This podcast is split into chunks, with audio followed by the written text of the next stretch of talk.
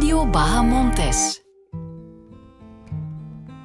Ik heb er in mijn leven al vaker wel gestaan dan dat ik er niet gestaan heb tijdens Parijs-Roubaix. Eerst 13 keer niet, dan 28 keer wel en nu weer een keer niet. Nu zit ik in mijn kot, te mijmeren over de bocht van Canfin en Pével. Mijn vader was er in 1977 voor het eerst met zijn vrienden vanuit Isegem naartoe getrokken. Uh, de bocht van Canfin, ik heb daar inderdaad vele, vele, vele goede herinneringen aan. Het is een prachtplek. Op de strook net voor Carrefour de Larbre, 20 kilometer voor de glorie, nemen brokken porfier, die maar één rijrichting lijken te kennen, namelijk zo ver mogelijk uit de lijn van de steen ernaast, gezamenlijk een haakse bocht naar rechts.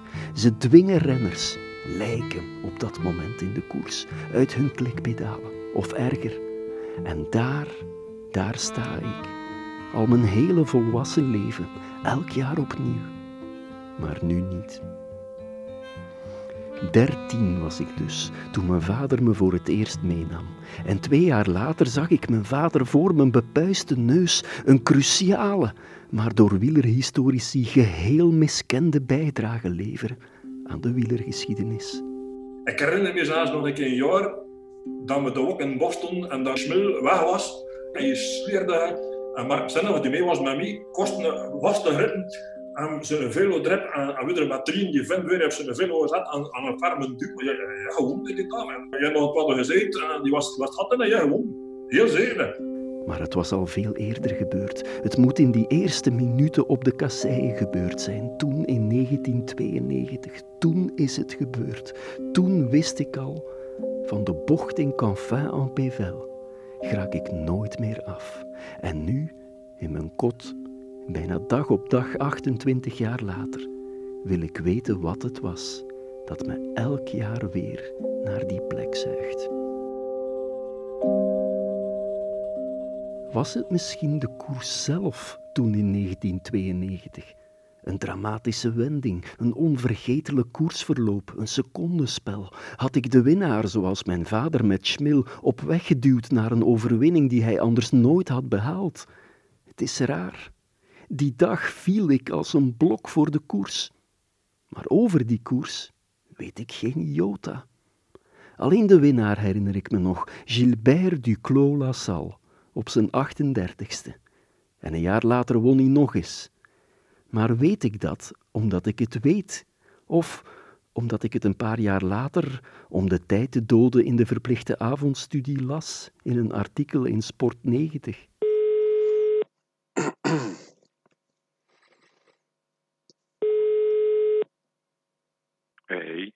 met uh, Michel. Michel Wuits weet alles van elke koers die hij ooit zag, denk ik. Dat was uh, Nicola Sal die gewonnen heeft. Niet? Ja, klopt. Ja. Klopt. En uh, dat was niet die editie met die millimeter sprint met ballerine, dus Nee, nee. dat Het, is binnengekomen. het, wa- het was een eerste, ja. Ik weet het niet meer. Michel Wuits weet het niet meer. Ik probeer zijn geheugen op te frissen door er de top 10 bij te halen. Gilbert Duclos-Lassalle, Olaf Ludwig, Johan Capiot, Peter Pieters, Jean-Claude Colotti, Etienne de Wilde, Johan Museeuw, Nico Verhoeven, Greg LeMond. Greg LeMond? Ja, ja, Greg LeMond op 9. En Hendrik Redant. Ik weet het niet meer. Nee. Weet mijn vader het misschien nog? Daar in het café, dat was een ambiance ongelooflijk. hè. De, de Fransman die won en dat was een heel spaal. Het hele café stond op staan. Dan was al direct champagne. Het was een- het was een grote feest. Oké, feest bij de Fransen, maar wat was er van de koers? De koers was hoofdzakelijk bizar. Dan maar de mannen die er middenin zaten. Ik skype met Peter Pieters, in 1992 knecht in de Tulip-ploeg van kopman Adrie van der Poel. Hij was dus een van die mannen die ik moet hebben zien voorbijkomen in de bocht, over die kadukke keien, voeten uit de klikpedalen. Of waren het nog riempjes toen? Daar, voor mijn dertienjarige ogen, wijd opengesperd voor zoveel spektakel. Qua, qua koersen zijn er afgelopen jaar denk ik wel mooie koersen geweest. Ja. Tja, Dat valt tegen. Pieters heeft het koersverloop van die dag in 15 seconden gereconstrueerd. En de koers, ja, die verliep zoals altijd. eh, hetzelfde eh, tot aan eh, het bos van Wallès, heel nerveus. En na het bos eh, is de kopgroep weggereden van, eh, met eh, de winnaar erin, hè, met Douglas Sal. Ik zat van voren, ik wilde nog meespringen. Maar eh, we moesten bij Adrie van de Poel blijven, onze kopman. Dus dan eh, ja, wachten we. Groepje weg, Duclos Lassalle blijft uiteindelijk alleen over en komt alleen aan, klaar.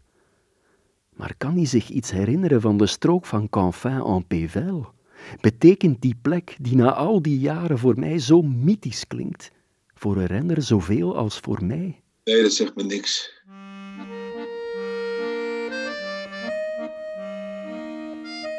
Ik probeer het nog eens bij Rick van Slijken. In 1992 een trouwe ploegsoldaat bij het Lotto van Museeuw. Rick zat mee in dat groepje waar Peter Pieters het over had.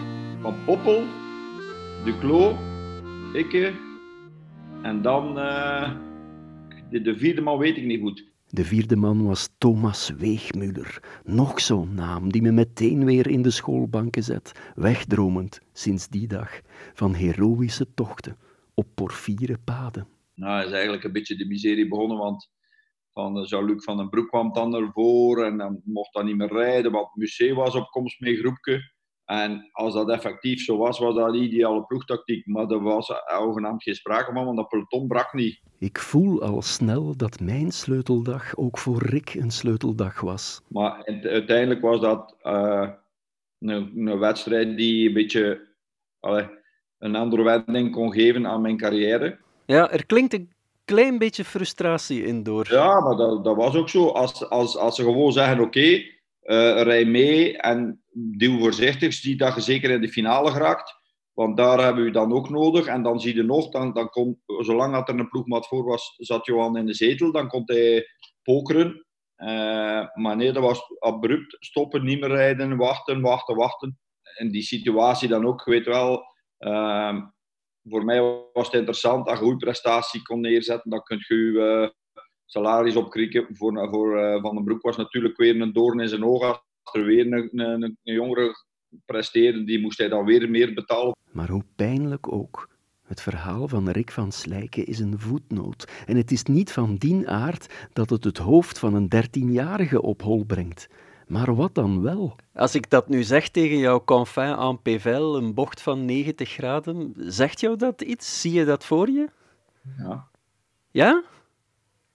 ja. Jij weet waar ik sta. ja ik weet waar ik sta. Ah, fantastisch. Ja, dat, maar, maar, dat staat in uw geheugen gegrift. hè.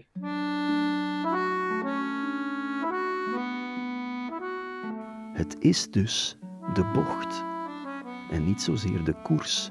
Een beetje zoals mijn vader in het begin al zei. De koers, dat is bizaken. terrein jaren geweest dat ik ergens tussenkom en je wist wie dat er gewonnen maar dat is helemaal terzijde uiteraard.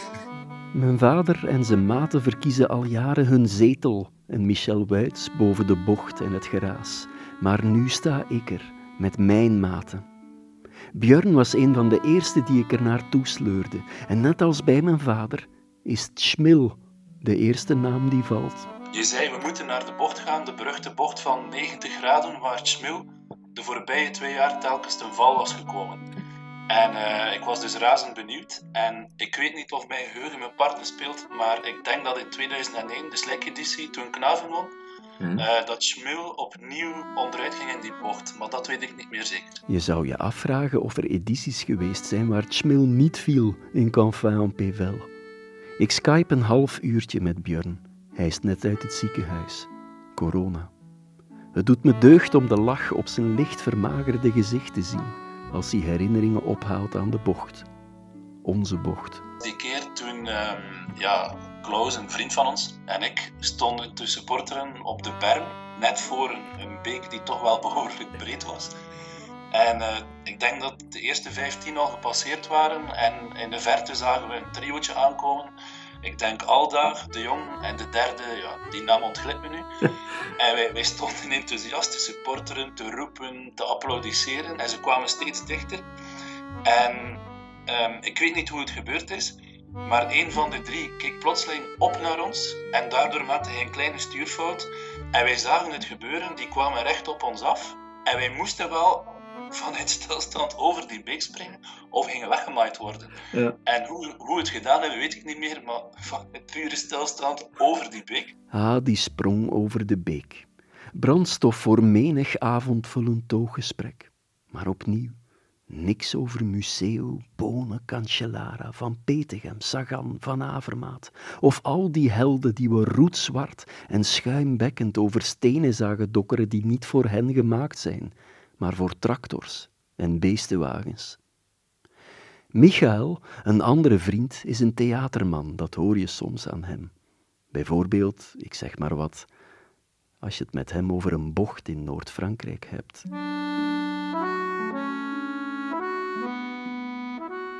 Het is zoals het eh, in het Griekse theater. Het, het theater was gebouwd in het landschap. En dan gebeurde gedurende een uur of anderhalf uur iets magisch. En dan daarna is dat verdwenen. En ik heb ook zo heel snel de magie daarvan ingezien, van die plek van... Oké, er gebeurt hier iets. En straks is dat weer gedaan. De koers is een heel fijne eh, bijkomstigheid. Het duidt zich in de zin ook dat hoe, we erover praten, over het gegeven, dat er daar ook een verschuiving gebeurd is. In het begin hadden we het over Paris-Roubaix en Roubaix. Dan is dat verschoven naar we gaan naar Canfin. En nu is dat zelfs verschoven naar we gaan naar de bocht.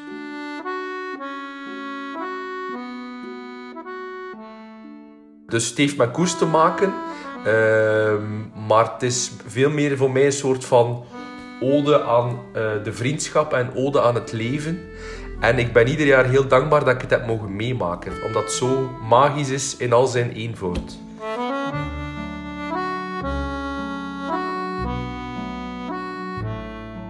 Ken je dat gevoel?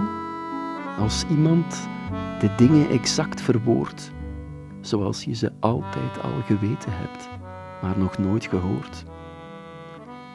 Daarom glimlach ik als ik mijn maat bezig hoor vanuit zijn kot. En ook omdat we heel goed weten, volgend jaar staan we er terug. Met al onze vrienden en al onze kinderen. Net als mijn vader met dat kleine jongetje in 1992. Toen, uh, allee, dingen won. Allee,